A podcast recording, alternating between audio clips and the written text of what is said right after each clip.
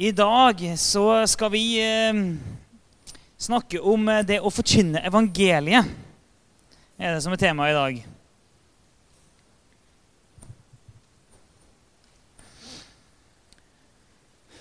Og det er jo et gigantisk tema. Når jeg skulle lage de notatene her, så vrei det seg inni meg over at jeg måtte gjøre det så kort. Vi har eh, Konseptet vårt her er at vi gjør det vi kan for å få notatene ned på to eh, dobbeltsidige ark. Altså fire sider. Det er liksom det vi prøver på, da, å koke det ned til fire sider. Eh, det er virkelig ikke enkelt. Eh, hele disippelskolen kunne egentlig bare ha handla om eh, evangeliet i seg sjøl. Så det er, det er, veldig Det blir en innføring, kan du si, med et spesifikt fokus. Ikke evangeliet i hele sin fylde og dybde. Det blir det ikke. Fokuset i dag vil da være på hvordan skal vi forkynne evangeliet spesifikt hvordan forkynner vi evangeliet til folk rundt oss, til folk som er interessert, til folk som ikke kjenner Jesus. Hva bør vi legge vekt på når vi skal forkynne evangeliet?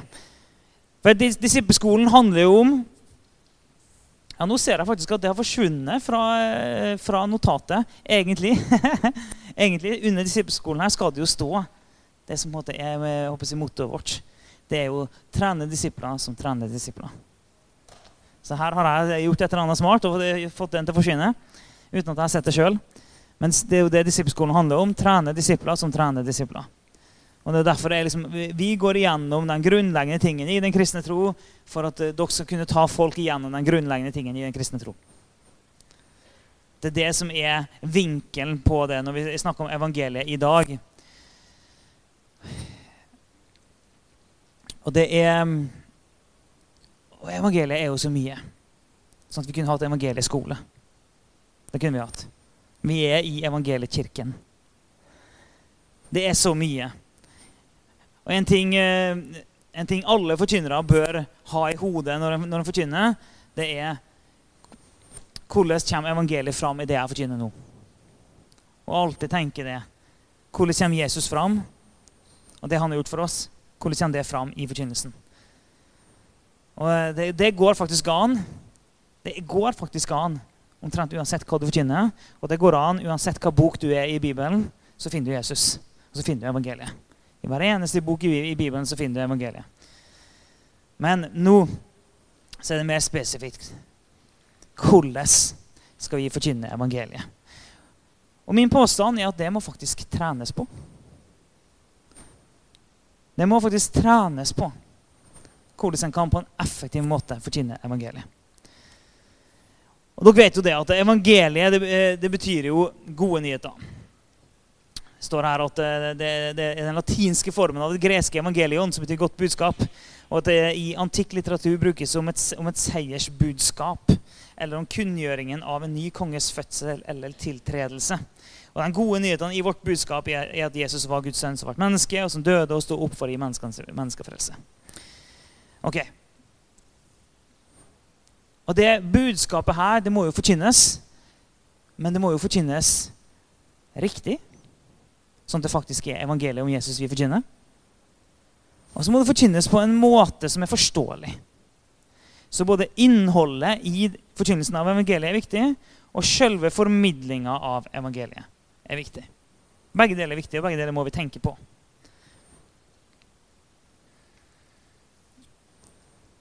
Og i tidligere tider så kunne en eh, i stor grad I det minste så kunne en regne med at tilhørerne hadde grunnleggende kjennskap til kristne konsepter, til den kristne fortellingen, til en del bibelske fortellinger. At folk hadde en forståelse av virkeligheten som innebar absolutt moral, objektiv sannhet. En kunne ta for gitt at flertallet av folk, selv om de ikke var kristne, at de hadde en virkelighetsforståelse som var mer på linje med den bibelske virkelighetsforståelsen. Og Da var det litt eh, enklere på en måte å forkynne evangeliet, for at du kunne bare forkynne det uten å ta like mye hensyn til det. For det du, det, fordi at den bibelske virkelighetsforståelsen var ikke så langt unna den, den virkelighetsforståelsen folk hadde. Og det er jo i stadig endring. Og i dag så vet vi jo det at, eh, at absolutt moral og objektiv sannhet er jo ikke gitt. Når vi går rundt og snakker med venner, familie og kollegaer og tilfeldige, så er det ikke gitt at folk eh, tenker, tror på noe objektiv sannhet eller absolutt moral eller tror at, eh, at, at vi er syndere som trenger frelse. Og Da må vi tenke litt gjennom hvordan skal vi forkynne det her på en riktig måte. En eh, veldig dyktig eh, forkynner, eh, amerikansk forkynner som heter Tim Keller. Han eh, har beskrevet det som eh, 'connecting the dots', sier han.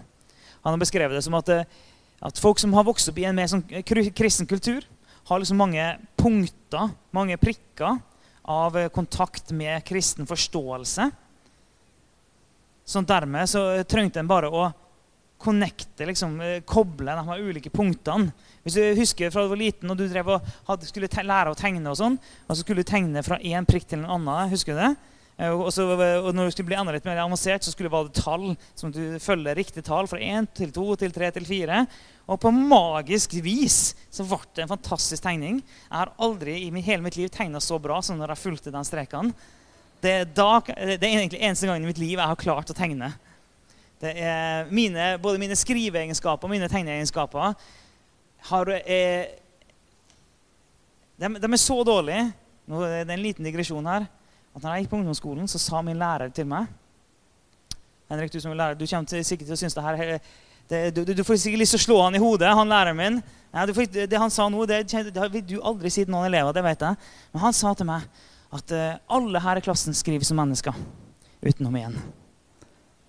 Det sa læreren min, og henviste til meg. Um, og det er fortsatt en, det er fortsatt en, en levende hva skal jeg si, en levende vits eh, på jobb eh, om, mine, om mine tegneegenskaper. For at, eh, på jobben min så er det sånn, Hvis noen begynner å snakke om katt, så begynner folk å le. For da husker alle den gangen jeg forsøkte å, å tegne en katt foran alle sammen. Og det var en så håpløs tegning at det, det har folk tatt bilder av og sirkulert rundt. Og, så det, det, er mine evner på det. da. Men poenget var med er bildet her med sånne prikker, da, prikker av kunnskap om, om, om, kristendommen, om Bibelen. Og at en hadde mange sånne bare gjennom oppveksten og skole og familie. og sånn. Dermed kunne en forkynner måtte bare få kobla sammen og gjort de strekene, og så ville et bilde komme fram. Og dermed kunne folk få en forståelse av evangeliet. Men hvis folk mangler alle de prikkene, så må vi tenke annerledes. Da må vi tenke gjennom okay, hvordan skal vi forkynne det her. Jeg skal forsøke faktisk i dag å være litt kort. Eh, det skal jeg faktisk forsøke på i dag. Og det er fordi at vi skal, ha, vi, vi, vi skal praktisere det å forkynne evangeliet etterpå. er planen. Så jeg skal gjøre det jeg kan for å ikke holde på altfor lenge. Men på evangeliets innhold her, så har vi skrevet om lov og evangelium. Det har du helt sikkert hørt om. Lov og evangelium. Og når du hører lov, så er det lett å, å kanskje tenke at det høres hardt ut. At, uh, hva, hva, skal vi med loven? Men vi trenger faktisk loven. Og vi trenger faktisk å forkynne loven. Vi gjør det. Og loven, er, altså loven i seg sjøl er ikke de dårlige nyhetene, men loven representerer likevel de dårlige nyhetene. De dårlige nyhetene om at vi ikke når opp. De dårlige nyhetene om at vi ikke får det til. Loven i sin essens handler jo, handler, er jo ikke dårlige nyheter, for det handler jo om at Gud er hellig. Men ikke bare det. At Gud vil relasjon. Men, eh, men loven viser oss at vi ikke er hellige. Dermed blir loven de dårlige nyhetene for oss. Og da blir evangeliet de gode nyhetene. For når vi ikke får det til, så måtte noen andre få det til. Og Vi har ofte sagt at vi må forkynne den dårlige nyheten for å kunne forstå den gode nyheten. Jeg har jo forkynt her at, at hvis jeg ikke forstår hva jeg har blitt frelst ifra, så vil jeg ikke kunne forstå hva jeg har blitt frelst til. Det bildet jeg har brukt når jeg har forkynt her, er at eh, hvis jeg har en, en eh, Eller hvis jeg får plutselig um, uh, Hvis jeg får en hundrelapp i hånda, av noen. Så jeg er sånn, det var hyggelig, det var fint. Men jeg har en gjeld på mange millioner, så det hjelper meg ikke veldig mye. Eh, og da men jeg er takknemlig for den hundrelappen. Det er fint, liksom. Men ikke noe mer. Men hvis noen kommer og gir meg da mange millioner, så blir jeg jo da mer takknemlig med en gang, for det hadde hjulpet. Da hadde jeg blitt gjeldsfri. Da hadde gjelda helt borte. Ja, det, det, hadde vært veldig, veldig hyggelig. Ok, det, det, forstår alle. Men la oss si da at jeg står her, så får jeg den hundrelappen i hånda, og så vet jeg ikke at jeg samtidig har fått mange millioner inn på konto. Og Da vil jo jeg takke basert på den, hundrelappen. Min takknemlighet vil være basert på den hundrelappen. Ikke basert på det som er virkeligheten, at jeg har blitt gjeldsfri. Så vi er nødt til å forstå hva han har gjort for oss, den betalingen som er gjort. Forstå at vi faktisk har blitt gjort gjeldsfri. Det er vi nødt til å forstå for å virkelig kunne sette pris på det. Loven stiller riktig diagnose. Og det er at vi er fortapt, vi er skyldige, og vi er under Guds vrede. Og evangeliet gir riktig medisin, og det er at vi er frelst, all vår synd er betalt, og vi er under Guds nåde. Og det er jo litt sånn at, at hvis du eh, drar til legen, eh, og du hoster litt, og du har litt vondt, og så er du litt bekymra, eh, og du har lest på nettet at du mest sannsynlig har kreft, eh, og så går du til legen, og så eh, Legen gjør masse prøver. Og så finner legen ut at du faktisk har kreft. Men så sier han til deg at eh, nei, det går bra, du har bare hoste. Det hjelper jo veldig, veldig fint. Da fikk du en hyggelig beskjed, og kan du gå ut derfra. Du fikk en diagnose som ikke stemte, og dermed fikk du heller ingen medisin. Men hvis legen sier du har fått kreft, ok, da vet du nå er det ille ute med deg. Du trenger hjelp. Så loven den stiller diagnosen, og evangeliet det er medisinen. Og Gjennom Det gamle testamentet, gjennom loven, så åpenbarer Gud hvem han er. Han åpenbarer sin hellighet. Og Gjennom Det nye testamentet og gjennom personen Jesus så åpenbarer han òg hvem han er. Men der åpenbarer han òg sin nåde og hvordan vi kan komme inn i relasjon til han. I tredje Mosebok, kapittel 26, vers 12-15, så står det jeg vil vandre midt iblant dere. Jeg skal være deres Gud, og dere skal være mitt folk. Jeg er Herren deres Gud, som førte dere ut av Egypt for at dere ikke skulle være slaver for dem. Jeg brøt i stykker stengene på åket deres, og jeg lot dere gå oppreist. Men hvis dere ikke hører på meg og ikke holder alle disse budene, hvis dere forakter forskriftene mine og har avsky for mine lover, så dere ikke holder alle budene mine, men bryter min pakt Og så kjenner jeg masse, masse greier etterpå der. Ok. Her begynner det med at Gud sier, 'Jeg vil være deres Gud'. 'Jeg vil vandre midt iblant dere'. 'Dere skal være mitt folk', sier Gud til Israel. Og Gud førte Israel ut av Egypt. Så ga han Israel loven og sa, 'Det her er den jeg er. Sånn kan dere ha relasjon med meg.' Han kom ikke med loven først og sa hvis dere oppfyller loven, så skal jeg følge ut av Egypt. Det gjorde han ikke. Han førte dem ut av Egypt. Han frelste dem, kan du si. Og så ga han loven så sa han, det her er meg. Sånn kan dere ha relasjon til meg. Og det er det, det jeg mente med når jeg sa i stad, at loven er egentlig bare et bilde på hvem Gud er, at han er hellig, og det er en invitasjon til en relasjon.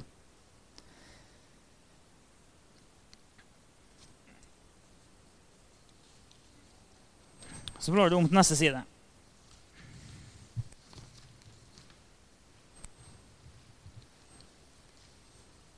Ok, Så har vi loven.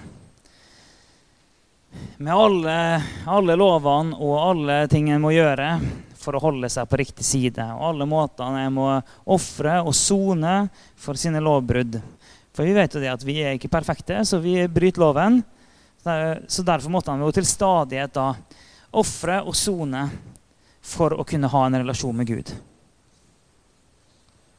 Men i Hebreerbrevet, kapittel 9, vers 12, så står det ikke med blod av bukker og kalver, men med sitt eget blod gikk han inn i helligdommen en gang for alle og kjøpte oss fri for evig.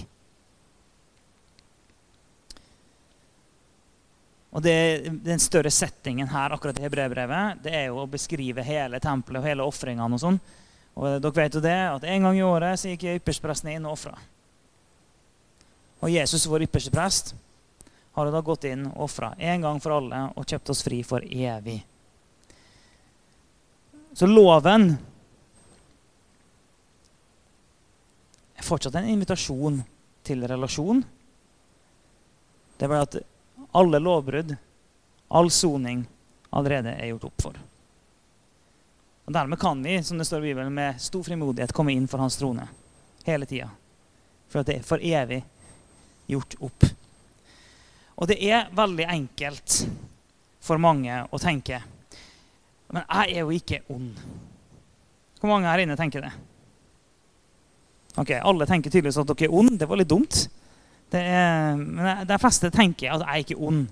De, de, de, de tenker nei, jeg er ikke ond, i alle fall. Det er jeg ikke. Jeg er ikke så fæl. Jeg har mine greier, men nei, jeg er ikke direkte ond. Det er jeg ikke. Så, så ille Jeg er rett og slett ikke så ille. Jeg er egentlig ganske bra. Jeg tror egentlig de fleste her inne tenker at jeg er egentlig ganske, det, det er ganske ok. egentlig.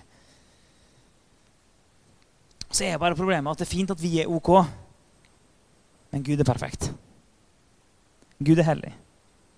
Uten mangler, uten feil. Helt, helt fullstendig perfekt. Det er Gud, det er hans standard, det er den han er. Og Da ser vi Jakob 2,10. For den som holder hele loven, men snubler i ett av budene, har gjort seg skyldig i å bryte dem alle. Ok, Så hvis du snubler i ett av budene, så har du gjort deg skyldig i å bryte dem alle. Og Poenget er at uansett hvor bra vi er, så vet vi alle sammen innerst inne at helt 100% perfekt, det er vi ikke. Men Gud er 100% perfekt. Så alle kan ha den erkjennelsen. Jeg er ikke 100% perfekt. Og uten å være 100% perfekt, så kan vi ikke ha en relasjon til Gud. Det er det som er sannheten. Uten å være 100% perfekt, så kan vi ikke ha en relasjon til Gud. Og Da er det jo selvfølgelig lett å gå inn i prestasjon og tenke at da må jeg skjerpe meg. Men det er jo der evangeliet kommer inn. Okay, for vi, når vi ikke har sjans til å ha relasjon med Gud, vi ikke har sjans til å nå opp, og ikke bare det Hvis vi er skyldige i å ha brutt hele loven, så fortjener vi straff. Så vi er virkelig fortapt. Det er diagnosen loven stiller. Det er dårlige nyheter, og der kommer de gode nyhetene inn. Og det er selvfølgelig om at Men Jesus er perfekt. Derfor kan vi ha relasjon med Gud. Jesus har sona for alle våre lovbrudd for evig. Den gode nyhetene kommer inn. Men den gode nyhetene blir ikke gode nyheter hvis ikke de dårlige nyhetene òg har blitt forkynt. For hvis vi forkynner at uh, din tilstand overfor Gud er helt fin. Du trenger egentlig ikke å gjøre noen ting i ditt liv. Du kan bare fortsette som før. At, fordi, at, Gud elsker deg så veldig veldig høyt. Hvis det er det vi forkynner Ja, men Jesus elsker deg. Ja, det gjør han. Og han elsker så mye. Ja, det er sant. Det høres veldig fint ut, og det er koselig, men det blir virkelig ikke gode nyheter før en forstår den dårlige. I Romerbrevet kapittel 3, vers 19 og 20, så står det Vi vet at alt det loven sier, er sagt til dem som har loven, for at hver munn skal tie og hele verden står skyldig for Gud. For ikke noe menneske blir rettferdig for Gud pga. gjerninger som loven krever. Ved loven lærer vi synden å kjenne. Ved loven lærer vi synden å kjenne. Så Loven fungerer som et speil. Ved å se på loven og speilet tilbake på oss. Så, så ser vi at vi når ikke opp. Vi får det ikke til. Og loven viser oss hva Guds fullkommenhet krever av oss.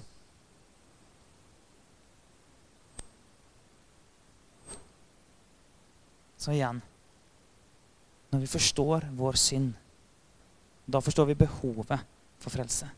Hvis ikke vi forstår at vi trenger frelse, så vil vi heller ikke kunne ta imot frelse.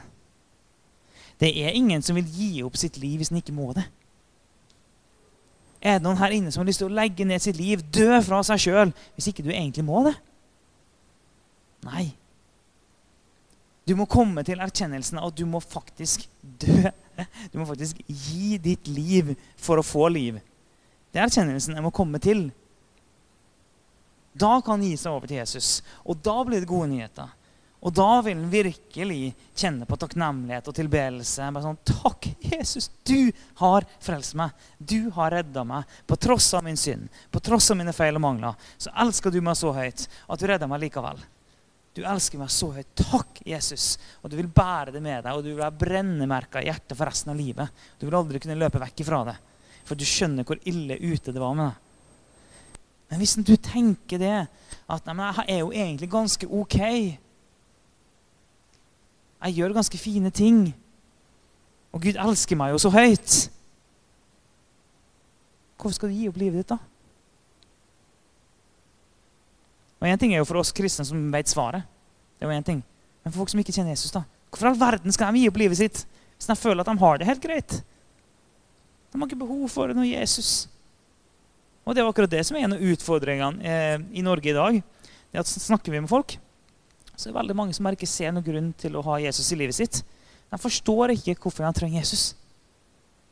Og da må vi lære oss å forkynne evangeliet på en sånn måte at det faktisk skjærer igjennom, sånn som vi leser i Apostelens gjerning, at det stakk dem i hjertet. Vi må lære oss å fortjene evangeliet på en sånn måte at folk kjenner at Oi, jeg trenger Jesus. Det må vi lære oss. Vi skal, vi skal, aldri slutte å si at Jesus elsker folk. Det, det, skal vi alltid fortsette med. Men det er faktisk ikke nok. Ja, for noen er det nok. Det er alt noen historier om, om det. Men det er faktisk ikke nok. Vi må fortelle mer. Videre i versene rett etterpå, så 3.21-25 i romerbrevet. Men nå er Guds rettferdighet, som loven og profetene vitner om, blitt åpenbart uavhengig av loven. Dette er Guds rettferdighet som gis ved troen på Jesus Kristus til alle som tror. Her er det ingen forskjell, for alle har syndet og mangler Guds herlighet. Men ufortjent og av Hans nåde blir de kjent rettferdige, frikjøpt i Kristus Jesus. Ham har Gud stilt synlig fram for at han ved sitt blod skulle være soningsstedet for dem som tror. Slik viste Gud sin rettferdighet, for han hadde i tidligere i tålmodighet holdt tilbake straffen for de synder som var begått.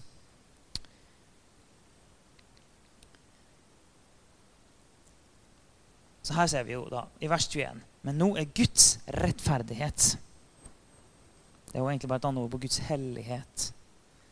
Som loven og profetene vitner om så loven vitner om Guds rettferdighet. Og så står det at, og, og når vi vet at loven viser oss at Gud er hellig, og vi ikke er hellige, så vi når ikke opp okay? Så i vers 22 så står det det her er Guds rettferdighet som gis ved troen på Jesus Kristus til alle som tror. Så når loven sier Gud er hellig, og du er ikke, du har et problem. Et veldig stort problem. Det sier loven. Men så får vi den helligheten, den rettferdigheten, fordi vi har gitt livet til Jesus. Ufortjent og av Hans nåde blir de kjent rettferdige, frikjøpt i Kristus Jesus. Og det, I vers 24 der, det er bare gode nyheter om vers 23 er sant i vers 23. For alle har synda og mangler Guds herlighet. Jeg vet at jeg hamrer på dette poenget nå. Men det vi trenger Alle har synda og mangler Guds herlighet. Hvis ikke den hadde stått der, så hadde ikke det som kom verset etterpå. Men ufortjent av Hans nåde ble de kjent rettferdige, frikjøpt i Kristus Jesus. Om ikke det var sant at alle har synda og mangler Guds herlighet. Ok, Jeg tror dere har forstått poenget nå. Lov og evangelium, den dårlige og den gode nyhetene. Diagnosen må stilles, medisinen må gis. Det må vi ha med oss når vi forkynner evangeliet. Og så kan evangeliet forkynnes på mange ulike måter. En kan bruke ulike verktøy, en kan bruke mange ulike språklige virkemidler og, og bilder og metoder. Og. En kan bruke mange forskjellige ting for å få forkynne dette budskapet. Så formidlinga kan variere, men budskapet er det samme. Innholdet kan vi ikke tukle med, men vi kan bruke, gjøre ulike ting for å få fram det budskapet. Men før vi går litt mer inn på konkret sånn, hvordan vi kan forkynne evangeliet, så vil jeg likevel bare lære dere noen ting som er et bibelsk rammeverk som er veldig nyttig. Det er nyttig i, i eh, evangelieforkynnelse, men det er også nyttig i det vi kaller å utøve et, eh, et kristent sinn, kristen tenkning. Som Bibelens fire epoker har vi skrevet her. Så Det er et bibelsk rammeverk som hjelper oss å se verden gjennom bibelske briller. Det hjelper oss å ha bibelsk, en bibelsk virkelighetsforståelse. Og det er skapelsen, fallet, forløsninga og fullbyrdelsen. De fire tingene der skaper et rammeverk for oss til å forstå verden igjennom. Så skapelsen, det er det gode. Fallet er det onde. Forløsningen eller frelsen er det nye. Og fullbyrdelsen eller gjenopprettelsen er det perfekte. Så det gode, det onde, det nye, det perfekte. Det er en måte å se verden på. Og det er sånn, Hvis du ser på hva ok, Vi har et problem i samfunnet vårt, f.eks. Vi har et problem. Nå kommer jeg ikke på noen gode eksempler, men sånn, vi, vi, har, vi, har, mange problemer i samfunnet vårt. Okay, Vi har et problem. Hvordan skal vi tenke kristent om dette problemet her? Okay, Det første vi gjør, er at vi går til skapelsen. Hvordan skapte Gud verden? Ta utgangspunkt i det. Hvordan skapte Gud verden? Ok, Forteller det oss ting om det her. Så går vi videre. Hva var det som skjedde som gjorde det ødelagt? Jo, fallet, synden. Og Det er en sånn grunnleggende kristen forståelse at pro problemet veldig ofte er synden i menneskets hjerte. Det er på en måte hovedproblemet. Det finnes andre problem, det kan finnes strukturelle problem, men hovedproblemet som må løses fra et kristent perspektiv, er synden i hjertet. Det er liksom hovedproblemet. Ok? Hva skal vi gjøre med det? Det er frelsen. Forløsningen. Og så har vi det perfekte. Vi har fullbyrdelsen. Vi har gjenopprettelsen. Og den lever vi jo ikke i enda. Jesus har ikke kommet igjen enda. Vi lever ikke i ny himmel og ny jord enda. Vi lever i det som kalles mellom tidene. Av og til blir det sagt eh, at vi lever i det som kalles eh, allerede, ennå ikke. Og det er at Guds rike har allerede kommet til jorda, men det har ennå ikke kommet helt fullt på jorda. Det er den virkeligheten vi lever i i dag. Guds rike har brutt igjennom og er på jorda, og det utbrer seg, men det har ikke men gjort det fullt ut enda. Og Det er det som kalles med at vi lever mellom tidene, og at allerede ennå ikke. Og bare dette rammeverket her er for så vidt nok til å ha et rammeverk for å kunne forkynne evangeliet. Og Hvis du skal forkynne evangeliet til noen, så går det an å bare ta utgangspunkt i det òg. Og tenke skapelsen, fallet, frelsen og fullbyrdelsen. Og Hvis du bare har de fire punktene i hodet når du skal forkynne evangeliet, så er det nok. Gjør det, så vil du sannsynligvis, mest sannsynlig så vil du kunne forkynne et evangelium som er ganske greit. Det kan du. Men likevel så har jo vi laga en Som er på siste side, så har vi laga eh, et forslag, en slags disposisjon, til en evangelieforkynnelse. Så det der Vi har ikke skrevet ut evangelieforkynnelsen, men et forslag til hva en bør gjennom når en skal forkynne evangeliet. Og så er det sånn, Når vi forkynner evangeliet, så er det ofte veldig vanskelig å forkynne evangeliet uten å samtidig fortelle hva evangeliet har gjort med deg. For det er jo litt sånn at Skal vi fortelle noe, så bør det ha en personlig betydning for oss. Så Derfor har vi både det som handler om å forkynne evangeliet, og det som handler om å fortelle vitnesbyrdet ditt. Så du har både det med å forkynne den objektive sannheten. Evangeliet det er objektivt. Det er sannheten med stor S. Det er evangeliet. Så det forkynner vi. samtidig som vi forteller hva det har gjort med oss. Og det er den subjektive delen av det. Det er vår erfaring av evangeliet. Så evangeliet det er objektivt. Det er sant. Og vi har fått en erfaring av det, og vi, fort, vi forteller begge deler. Så vi forkynner evangeliet som sannheten med stor S, og så forteller vi det her er det det har gjort med meg. Så, så, eh, for, så forkynnelsen av evangeliet og fortellingen om hva det har gjort, det henger sammen. Ok, her ser dere da. Her er det seks bokser, men på en måte fem. Det er fem, og så er det slengt på en, slags liten sak på slutten der. Og her, her igjen da, så har vi jo begynt med skapelsen. Til, til høyre så ser dere at det, det, er bare sånn Hvis noen syns eh, sånt er, er en hjelp, så er det da bokstavrim. Alt begynner på S og i ett ord. Hvis, hvis det hjelper på å liksom huske i hodet eh, hva en bør igjennom, så kan en tenke start, synd, straff, sendt, snu. Eh, det kan en tenke hvis det er til en hjelp. Sånn, ok, Skapelsen. Og så har vi et, et, et, eksempel. Her igjen, Evangeliet kan forkynnes på mange måter fra ulike vinkler. Det kan det. Så det, En må ikke begynne øh, forkynnelsen med Edens hage, men en kan begynne der. Det kan. Så for så kan du begynne allerede der. Vi mennesker vi var skapt. Gud skapte oss. Første Mosebok 1.27. Og Gud skapte mennesker i sitt bilde. I Guds bilde skapte han det. Som mann og kvinne skapte han dem. Så kan han ta utgangspunkt der. Ok, det her var starten. Så kan han fortelle videre hva, hvorfor vi var skilt fra Gud, og synden kom inn. Vi var skilt ved Gud ved syndefallet. En kan fortelle den historien. Uh, og det, det, at vi er skilt fra Gud, og, og, synden har kommet inn, det gjør sånn som det står i Romerne 3.23. For alle har synda og mangler Guds herlighet. Ok, Hvis alle har synda og mangler Guds herlighet, så er vi videre på neste punkt. da, Med rettferdighet og dom. For at vi fortjener straff, og vi er fortapt uten Jesus. Og I 2. Korinterbrev 5.10 så står det at eh, for vi må alle fram for Kristi domstol, for at hver og en kan få lønn for det han har gjort gjennom sitt liv i kroppen, enten godt eller vondt. At en dag skal vi faktisk stå fram for en domstol. Vi får en dom. Du vet at Det å få en dom er ikke negativt. Det går an at, at du blir dømt til at, du, at, dommen er at du er fri. Sant? Dommen er ikke nødvendigvis negativ sånn sett. Så det, det, er ikke, det, er sånn, det, er ikke, negativt å stå foran en domstol.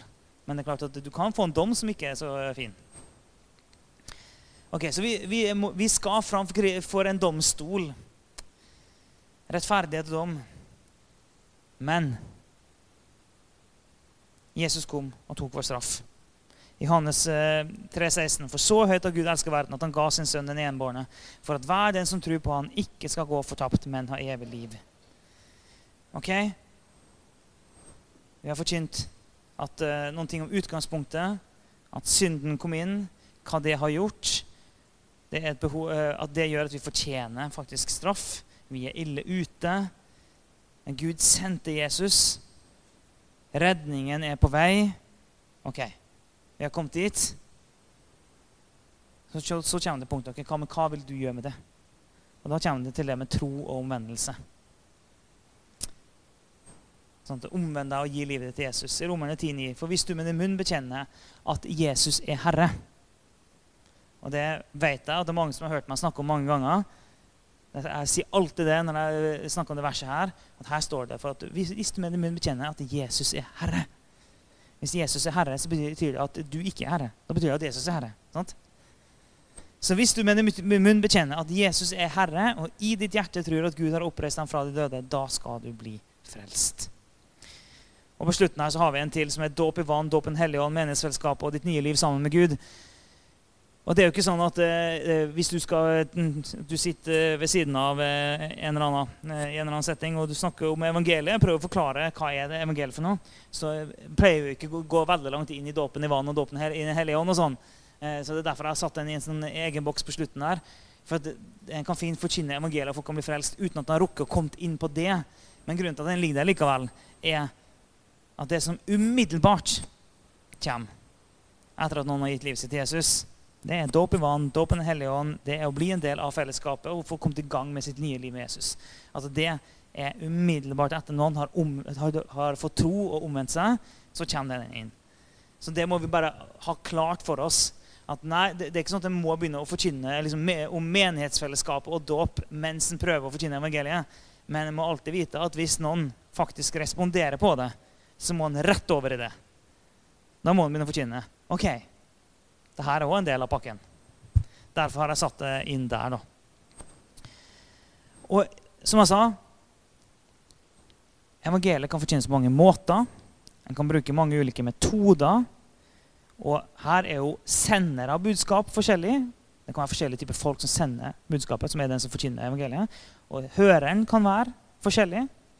Så, her, så Folk er forskjellige typer, har forskjellige erfaringer, forskjellige personligheter. Det er ulike ting som treffer. Sant? Så det, det, finnes en enorm bredde av metode og uttrykk i forkynnelsen av evangeliet. Det gjør det. Men innholdet, der må vi passe på at det faktisk er evangeliet vi forkynner. Så vi trenger å forkynne. Og at, nå skulle jeg til å si, Vi trenger å forkynne det som har med synden å gjøre. Men for å helt tatt kunne for, forklare hva synd er, så er det nesten umulig å komme unna og bare gå helt til utgangspunktet. For da må du forklare at hvordan kom synd inn i verden. Eh, det betyr ikke at du må gå til Edens hage hver gang du skal forkynne evangeliet.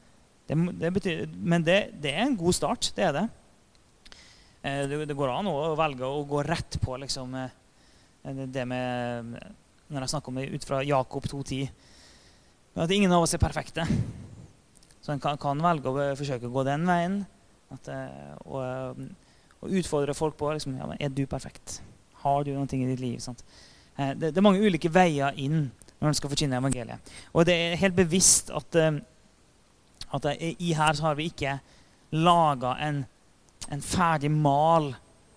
Sånn forkynner du evangeliet ordrett.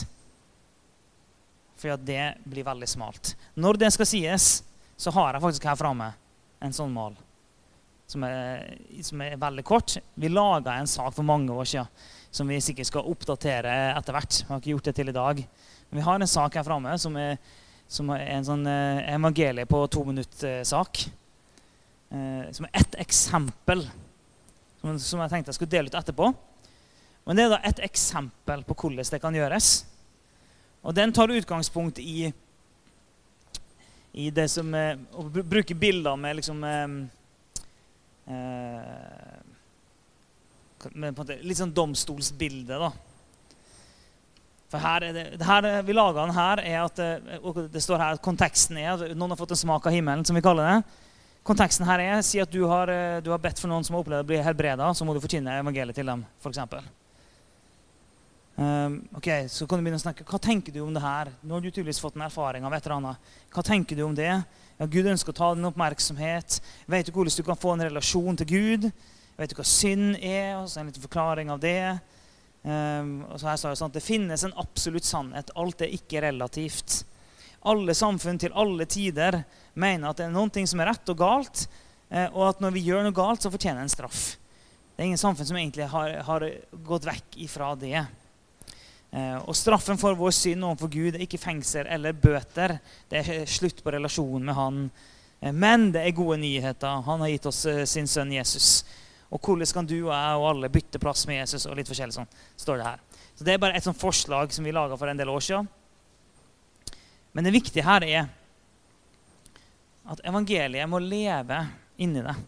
Du må leve i evangeliet. Det må resonnere med deg. Sånn at når du skal forkynne til noen, så trenger du ikke å desperat huske bokstaver eller steg og sånn. Eh, du trenger at evangeliet er sånn inni deg at du bare er sånn Der og da så kan du bare gi. På to minutter, på fem minutter, på ti minutter så kan du gi en skikkelig presentasjon av evangeliet. Men skal du klare det på en måte som faktisk berører den som hører på, så må det leve inni deg òg. Men min erfaring er at ved å studere evangeliet og jobbe med hvordan jeg kan formidle det, så er min erfaring at hver eneste gang når jeg bare øver på å forkynne evangeliet, så kjenner jeg at det gjør noe med meg. Sånn På forhånd kan det være at jeg ikke merker noen ting, men bare ved at jeg begynner å forkynne evangeliet til andre kristne, nærmest til meg sjøl, så bare sånn, merker jeg at det blir sånn påminnelse til meg sjøl. Jeg merker at jeg begynner å bli takknemlig. Jeg merker at det begynner å gripe tak i meg. Så det er litt sånn Vi trenger rett og slett å forkynne evangeliet til hverandre. Vi gjør det.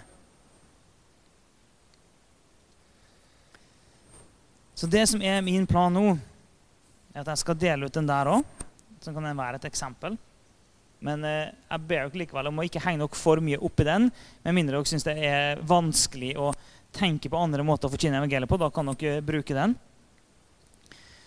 Så har jeg lyst til at vi skal forkynne evangeliet til hverandre. At vi skal prøve oss på det.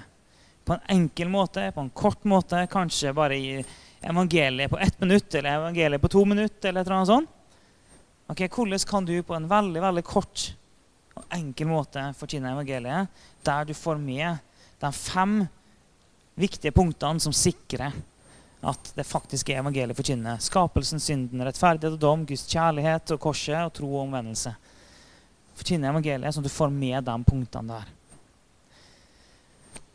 Så det jeg vil be dere om, er Uh, at dere kan gå sammen med, Hvis det er folk fra gruppa di som er her, så kan dere gå sammen i gruppa. Men det er også en del folk som ikke har gruppe. Så det, det jeg har lyst til er at vi kan gå sammen sånn to-tre, helst ikke mer enn fire, for at det skal være mulig å kunne forkynne evangeliet til hverandre på noenlunde greit. Klarer vi sånn i rommet her nå å gå sammen to-tre, maks fire personer? Vi, kan, vi, kan, vi, klare det? Og så kan vi ta og dele ut den her òg. Kan du hjelpe meg med det, Rebekka? Og det, det, jeg vil, da, er som sagt Bruk de arkene dere har foran dere nå, og bare øv på å forkynne evangeliet på et par minutter til hverandre. Gå på rundgang. Først den ene, så den andre. Og, og det, nå handler det aller, aller mest om bare å få en feeling på det. Få en erfaring av det. Og, og, en, og kjenne litt på hva det gjør med deg å forkynne evangeliet på den måten der. Det er det som er målet nå. Så vi tar, eh, vi tar eh, noen minutter. Hvis, hvis, alle skal få muligheten til å forkynne, og sånn, så, så vi, vi, må nok i alle fall bruke en 20 minutter på det her. tipper jeg.